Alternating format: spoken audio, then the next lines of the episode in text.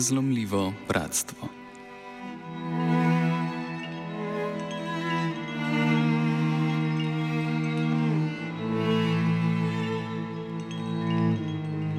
Armenski premijer Nikol Pašinjan je sporočil, da Armenija ne bo gostila vojaških vaj organizacije pogodbe o kolektivni varnosti, krajše CSTO, ki jo sestavlja šest držav nekdanje Sovjetske zveze.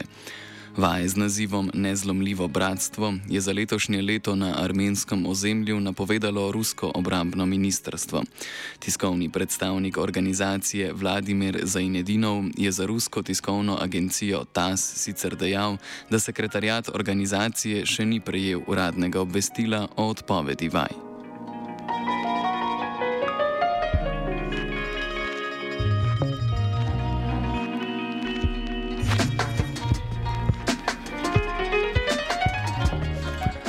Razlog za odpoved vojaških vaj na ozemlju Armenije leži v šibkem odzivu CSTO na zahteve po vojaški pomoči Armeniji v konfliktu z Azerbajdžanom. Glede območja Gorskega Karabaha, ki bi po resolucijah Združenih narodov moral pripadati Azerbajdžanu, sta državi v konfliktu še iz časa, ko sta bili, bili republiki v Sovjetski zvezi. Na zadnje sta glede območja državi bili šestedensko vojno konec leta 2020, zmagal pa je Azerbajdžan. S tem je pridobil dele ozemlja Gorskega Karabaha. Državi sta sklenili mirovni sporazum, mir v regiji naj bi po sporazumu zagotavljala Rusija, ki pa je od lanskega februarja osredotočena na vojno v Ukrajini. Azerbajdžan, ki je v vojni ena na ena vojaško močnejši od Armenije, je situacijo izkoristil za več napadov na ozemlja pod nadzorom armenskih sil. Največji spopad po šest-tedenski vojni se je zgodil lanskega septembra. Azerbajdžanske sile so takrat napadle armenska naselja Vardenis, Goris, Sotk in Jermuk. Armenija je na svoji strani po spopadih priznala 204 umrle vojake, Azerbajdžan pa 80. V skladu s četrtim členom pogodbe o kolektivni varnosti je Armenija tedaj uložila zahtevo za intervencijo zaveznic. Kljub pogodbenim obveznostim so Rusija, Belorusija, Kazahstan, Tadžikistan in Kirgizistan, ki tvorijo zavezništvo, napotitev vojaške pomoči v Armenijo zavrnili in v regijo poslali le vojaško misijo za ugotavljanje dejstev. V novoletnem nagovoru je premijer Pašinjan dejal, da so bili napadi za državo dvojno boleči, saj so njihovi pomembni varnostni zavezniki ostali zgolj v vlogi opazovalcev.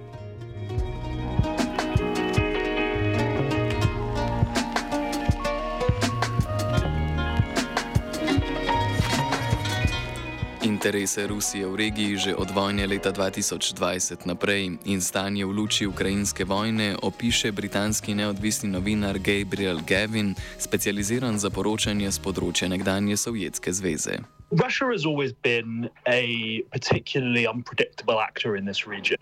So, in the 2020 war, uh, Russia moved to try and freeze the situation um, and brokered a ceasefire agreement that would put its troops in Nagorno Karabakh. But at the same time, um, it's always been lukewarm in its support for Armenia. It's always been lukewarm in its support for Azerbaijan.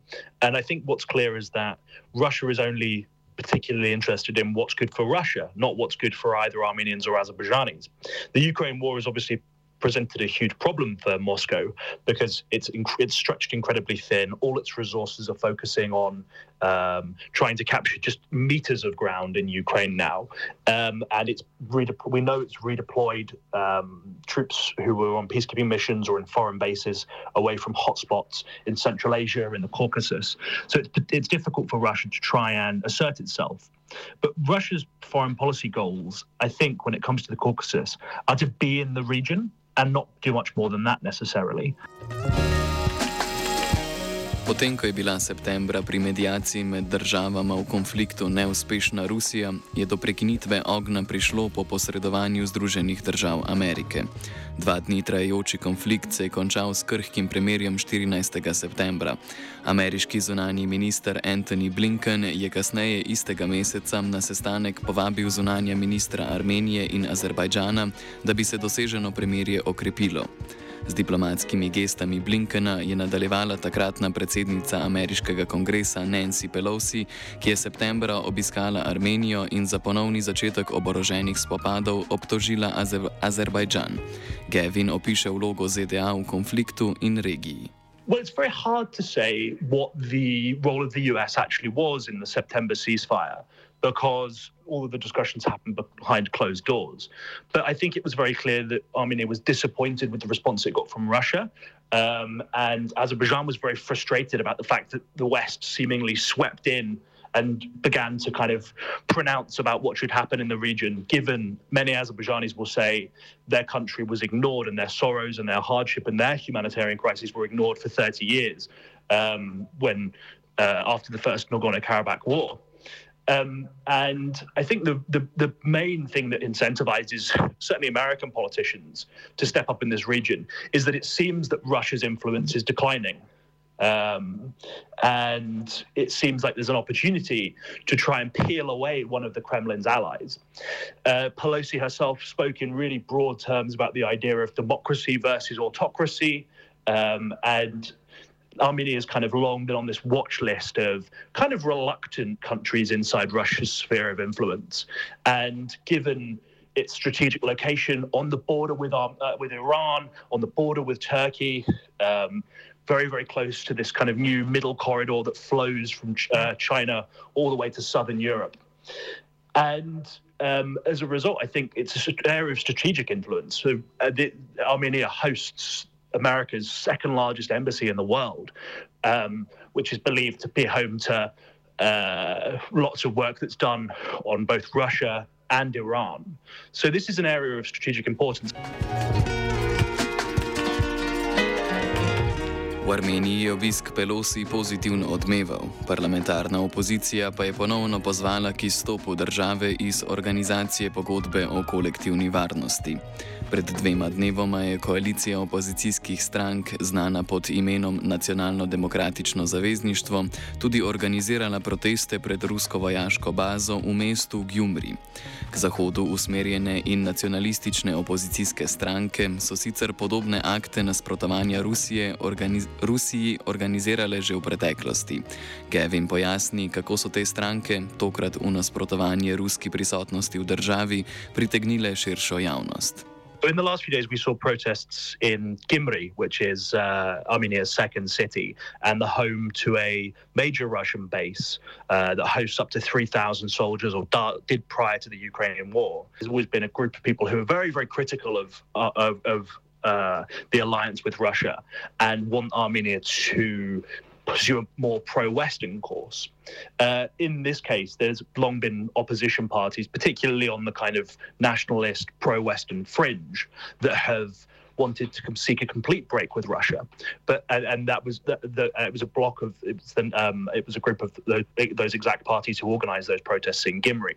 But this time it seems like they've captured the public imagination because over the past few months we've seen protests, spontaneous protests, bringing lots of people who've never protested against Russia before out into the streets to object to the fact that Russia in their view, is doing nothing to help resolve the Nagorno Karabakh crisis, or in the case of September, to support Armenia uh, in its conflict with Azerbaijan.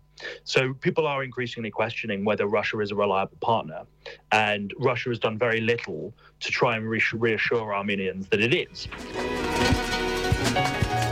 Kakšno je splošnejše stališče armenske javnosti in strank v odnosu do obeh sil, torej ZDA in Rusije? Prior to the Velvet Revolution, which brought current Armenian Prime Minister Nikol Pashinyan and his um, inner circle to power. Uh, the elites, Armenian elites, were very close to Russia. So you have Presidents uh, Rob Kocharian and Serge Sargassian, who were very, very, very um, reliable partners for the Kremlin. And so Armenian society has kind of um, started to pivot away from Russian influence. But at the same time, as a country of 2.5 million people, uh, locked into a conflict with Azerbaijan, deeply skeptical of relationships with Turkey, uh, squeezed between Iran, Russia as well. It's very, very difficult for them, uh, for Armenians, to, for many Armenians, to see an alternative to relying on Russia. Um, and at the moment, those parties that do seek closer relations with Russia uh, have struggled to really capitalize on that. Um, and to try and um, you know make the case that Russia is going to make them safe. Closer relationships with Russia are going to be beneficial, uh, and instead, actually, what you see is the current Armenian government saying. We need to look elsewhere for support, whether it's the UN, whether it's the EU, whether it's the US. Um, and I think they, inter- they, they seem to be sending signals to the West that they're prepared to turn away from Russia. Po mirovnem sporazumu iz leta 2020 so bile ruske mirovne sile v regiji zadolžene za vzpostavljanje pretočnosti skozi Lačinski koridor, ki predstavlja edino cestno povezavo med območjem Gorskega Karabaha in Armenijo. Dodatno nezadovoljstvo armenske javnosti v zadnjih tednih tako izvira predvsem iz pasivnosti in neuspešnosti ruskih enot pri odpiranju Lačinskega koridorja. Blokado ceste so, iz, so 12. decembra vzpostavili azerbajdžanski samooklicani okoljski aktivisti, ki trdijo, da naj bi imela Armenija v regiji nezakonite rudnike zlata. Armenski domačini poročajo, da bi lahko v Gorskem Karabahu počasi začelo primankovati zdravil in hrane. So, what's happened in the last nearly four weeks now is that this group of self described Azerbaijani activists have pushed past the kind of barricades that uh, that stand between Azerbaijani-controlled territory and the Lachin corridor, which is supposedly under the control of Russian peacekeepers, and that they've set up camp on the highway. Um, Azerbaijan insists that the highway isn't closed. It says there is no blockade. It's also its officials and spokespeople have at various times said, well, there is a blockade, but it's the Russians doing it, or actually, no, it's the Armenians doing it. But what is clear is that supplies aren't getting through, and those protesters are there. Um, and there has been a small number of uh, humanitarian vehicles like uh, the Red Cross have come through, and Russian peacekeepers, I believe, are taking some um, some goods, some services into Nagorno Karabakh. But there's been a lot of criticism of Azerbaijan's role in this. So I think I would say most of the Western world has basically called on Azerbaijan to reopen the corridor, suggesting that it's a concerted effort from the Azerbaijani government. But in this case, authorities are clearly supporting and tolerating a protest against the Karabakh Armenians. Um, so it, it, makes you think that um, there's a, there is either some or a great degree of coordination. Pojavljajo se tudi špekulacije, da so med okoljskimi aktivisti prisotni pripadniki azerbajdžanskih vojaških sil. as far as I know, there's no definitive evidence to show that these are these are anything other than civilians. Um, but I know there's a couple of journalists who have published material suggesting that some of them have military backgrounds or are active members of the armed forces, but they're certainly not armed, as far as I can tell. The Azerbaijanis accuse the Armenians of using that road to take weapons illegally down into Nagorno Karabakh and extracting gold from the gold mines that we do know exist.